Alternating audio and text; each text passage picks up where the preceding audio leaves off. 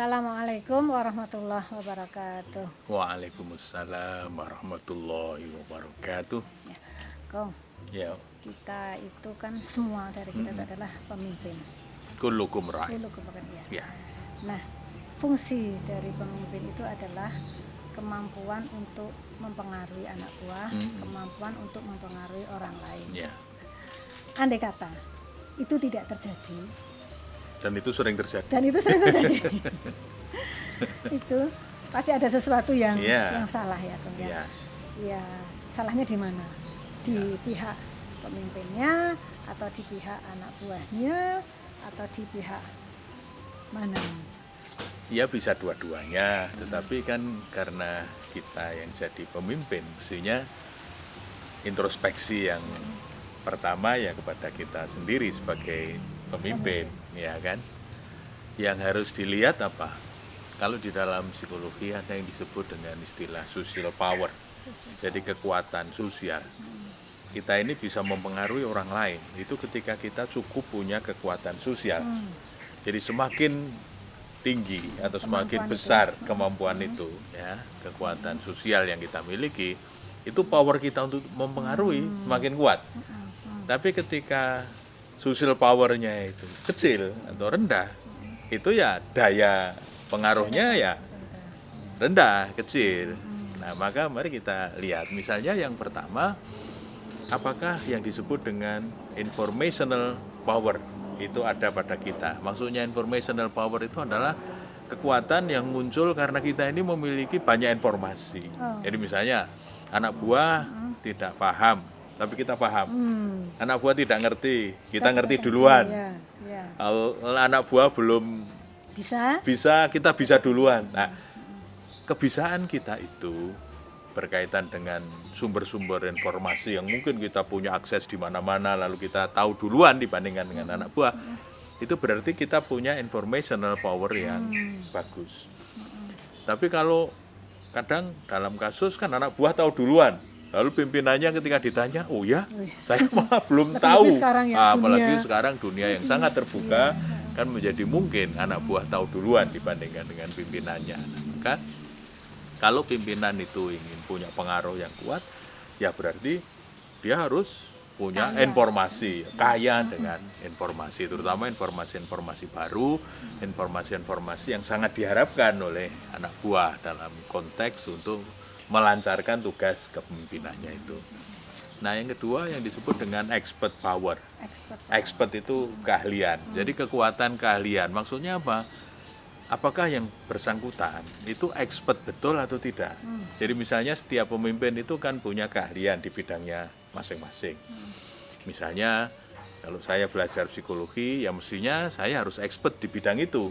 Sehingga kalau hal-hal yang berkaitan dengan psikologi, ya kalau dikembalikan ke saya, mestinya saya punya jawaban. Misalnya begitu.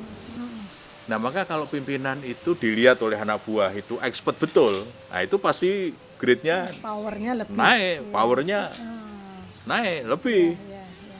Nah maka kita harus kalau mau jadi pimpinan yang baik, kekuatan keahlian ini harus nyata benar. Jadi anak buah itu melihat kita ahli betul, termasuk ahli dalam amanah yang sedang diembankan kepada kita. Misalnya kita jadi pimpinan unit, ya soal unit itu kita paham betul. Ada sebuah perusahaan itu yang pimpinannya itu selalu turun ke bawah. Hmm. Dan ketika anak buah nggak bisa mengerjakan dengan baik, dia bisa kasih Bisa, contoh. oh, Gini loh, caranya begini. Karena beliau memang karirnya mulai dari bawah, jadi dia paham betul mengenai seluk beluk yang ada di perusahaan itu. Maka anak buah menjadi sangat hormat karena tahu bahwa Ternyata betul-betul. bosnya expert. Nah itu yang kedua. Nah yang ketiga yang disebut dengan referent power. Jadi kekuatan rujukan. Kenapa disebut sebagai kekuatan rujukan? Itu karena yang bersangkutan itu memang mengagumkan. Yang bersangkutan itu memang bisa apa ya? masalah. ya bisa menyelesaikan masalah, orangnya sangat menarik gitu sehingga anak buah itu kagum. Maka dia ingin meniru. Dia ingin menjadikan bosnya, pem- pimpinannya, pemimpinnya itu sebagai rujukan. Nah, sekarang yang menjadi persoalan adalah apakah kita sudah dikagumi, dihormati oleh anak buah. Buah. Kalau anak buah itu kagum dan ingin menjadikan kita sebagai rujukan, maka power kita ke anak buah itu kuat sekali. Karena dia menjadikan kita sebagai rujukan. Tapi kalau anak buah tidak kagum sama kita, misalnya informasi juga nggak ada yang baru, expert juga enggak, apalagi kemudian tampil prima juga enggak, nggak perform gitu, maka orang kalau mau menjadikan rujukan kok kayaknya enggak ya gitu kira-kira. Nah maka yang ketiga penting ini yang disebut dengan kekuatan rujukan atau referent power. ada masalah? Bisa Ditanyakan? ditanyakan bisa. bisa menyelesaikan, tahu caranya. Itu karena dia informasinya banyak, dia expert dan memang punya cukup pengalaman. Sehingga dia paham betul apa yang harus dilakukan. Maka dia layak untuk kemudian dikagumi lalu dijadikan sebagai rujukan. Itu yang disebut dengan different power. Nah, yang keempat itu yang disebut dengan coercive power. Coercive itu adalah kemampuan untuk memaksa. Nah, misalnya karena kita punya SK, kita yang jadi komandan, nah maka komandan ini dia kan bisa memaksa anak buah. Cuma kelemahannya kalau memimpin dengan paksaan, itu nanti begitu yang memaksa tidak ada, Kembali ke asal. Nah, itu akan kembali balik ke asalnya lagi. Tidak ada kesadaran dari dalam untuk seperti tadi menjadikan pimpinannya sebagai rujukan. Itu pimpinan ada atau tidak ada, dia akan mencoba berperilaku seperti pimpinannya. Jadi kelemahan dengan paksaan nanti ya, power yang dipaksakan. Lebih bagus yang dari hati. Yang dari dalam, ya. Kemudian yang kelima yang disebut dengan reward power, yaitu kekuatan hadiah. Jadi orang yang sering memberikan hadiah, hadiah itu bisa penghargaan, bisa kesempatan, atau bahkan hadiah itu berupa prestasi, misalnya bisa memajukan unit ini, apa yang dipimpinnya. Yang dulu misalnya di bawah kemudian ini bisa naik, itu kan merupakan hadiah bagi anak buah yang dulu misalnya dia minder karena unitnya selalu berada di bawah, tapi setelah kehadiran pemimpin ini unitnya moncer. Nah ini kan juga reward sebetulnya bagi Prestasi bagi ya bagi anak buah. Jadi Ini menjadi reward. Nah yang terakhir yang disebut dengan legitimate power, kekuatan legitimasi. Nah, kekuatan legitimasi itu maksudnya begini. Kalau orang legitimate, orang punya legitimasi, itu pengaruhnya besar. Misalnya begini, dokter kandungan itu meskipun dia misalnya laki-laki, dia punya legitimasi untuk memeriksa kandungan pasien perempuan. Maka pasien perempuan itu mau diperiksa oleh dokter laki-laki. Karena apa? Legitimate karena dia memang dokter kandungan. Dia punya ijazah, punya keabsahan. Nah, Ini yang disebut dengan kekuatan absah, kekuatan ijazah lah kayak gitu gampangannya. Tapi jangan coba-coba. Orang yang tidak legitimate kemudian ikut melakukan tindakan seperti dokter kandungan. Bukan dibayar tapi di marah-marahi ya karena dia tidak legitimate untuk melakukan tindakan itu maka pemimpin juga harus hati-hati ketika kita mau mengintervensi sesuatu kita harus cek dulu kita ini legitimate tidak di mata anak buah karena kalau misalnya kita masuk ke hal-hal yang katakanlah misalnya bersifat pribadi loh anda kan pimpinan saya di kantor tidak pimpinan di rumah jadi kalau mau masuk yang terlalu jauh, Iya, iya. mungkin bisa ditolak. Karena untuk masuk ke rumah Urusan kita itu urusan dalam saya. negeri Iya. ya misalnya.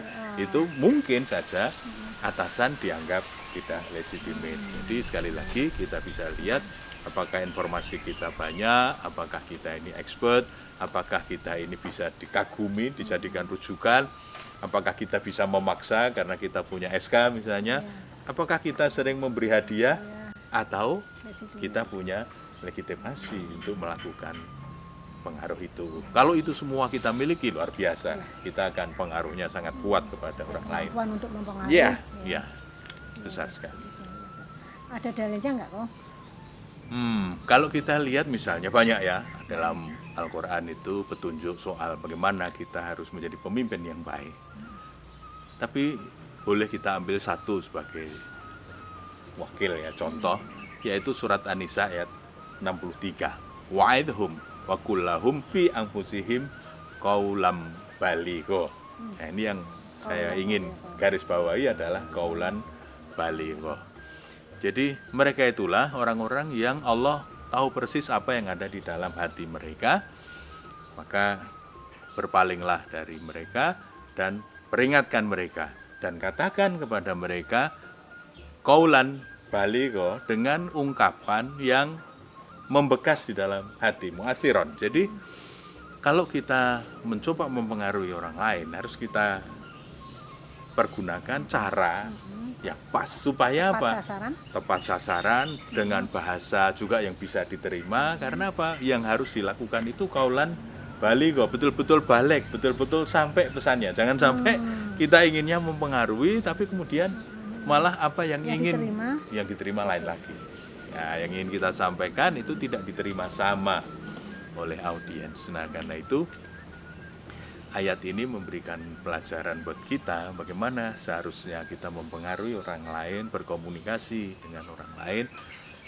Kita harus tahu persis apa yang menjadi aspirasi mereka, apa yang ada di dalam hati kayak kata Allah tadi, ulaikal ladzina ya'lamullahu ma fi qulubihim. Jadi kalau Allah itu tahu persis apa yang ada di dalam hati, maka kita juga harus tahu persis apa yang ada di dalam hati anak buah. Anak buah, Jadi kita perlu tahu, kita perlu menjaring aspirasi, kita perlu dari ke hati, dari hati ke hati untuk mendengarkan apa sih Suara sebetulnya. hati. ya suara hati. Mungkin kalau di forum-forum mungkin tidak keluar, tapi di balik itu karena kan sering ya orang itu kalau rapat diem, tapi nanti begitu Ternyata keluar, di belakang. wah di belakang, "Ah, sebetulnya saya tidak setuju ya sebetulnya, ah, cuma nggak berani. Nah maka dari aspirasi yang terpendam tadi perlu diketahui. Apa ya sebetulnya yang menjadi aspirasinya. Nah kemudian pada saat kita mencoba memperingatkan, memberitahu, mengarahkan, maka di ayat tadi itu lakukan dengan kaulan baliko. Jadi pertama ketahui dulu aspirasinya, kemudian oh setelah kita tahu, baru kita ini mau kita arahkan ke mana, kita tarik ke mana. Karena kalau kita nariknya terlalu jauh, mungkin juga anak buah ini menjadi kesulitan kan untuk berkembang sebagian jauh. Maka ketika kita tahu levelnya di sini, ya kita nariknya jangan jauh-jauh, jangan tinggi-tinggi, kita sesuaikan dengan itu kan bisa dengan kemampuan dialog. Bisa dengan dialog yang penting adalah dengan kedekatan Hmm. jadi begitu pimpinan itu dekat dengan anak buah maka hal-hal yang tersembunyi itu bisa keluar dan kita bisa dengan lebih mudah untuk kemudian menyelesaikan Gelombangnya masalahnya sama itu. ya menyamakan gelombang dulu baru kemudian kita tarik ke arah yang kita sepakati bersama ya Iya. Nah, sekarang kok Ya. apa yang mesti dilakukan untuk meningkatkan Ah. kemampuan mempengaruhi? ya supaya jadi Ya, lebih jadi baik lebih ya. baik, Oke. ya. Pertama, seperti petunjuk ayat tadi, yang harus kita lakukan pertama kali adalah yang dalam bahasa psikologi disebut dengan uh, political awareness atau istilahnya yang lain adalah political savvy.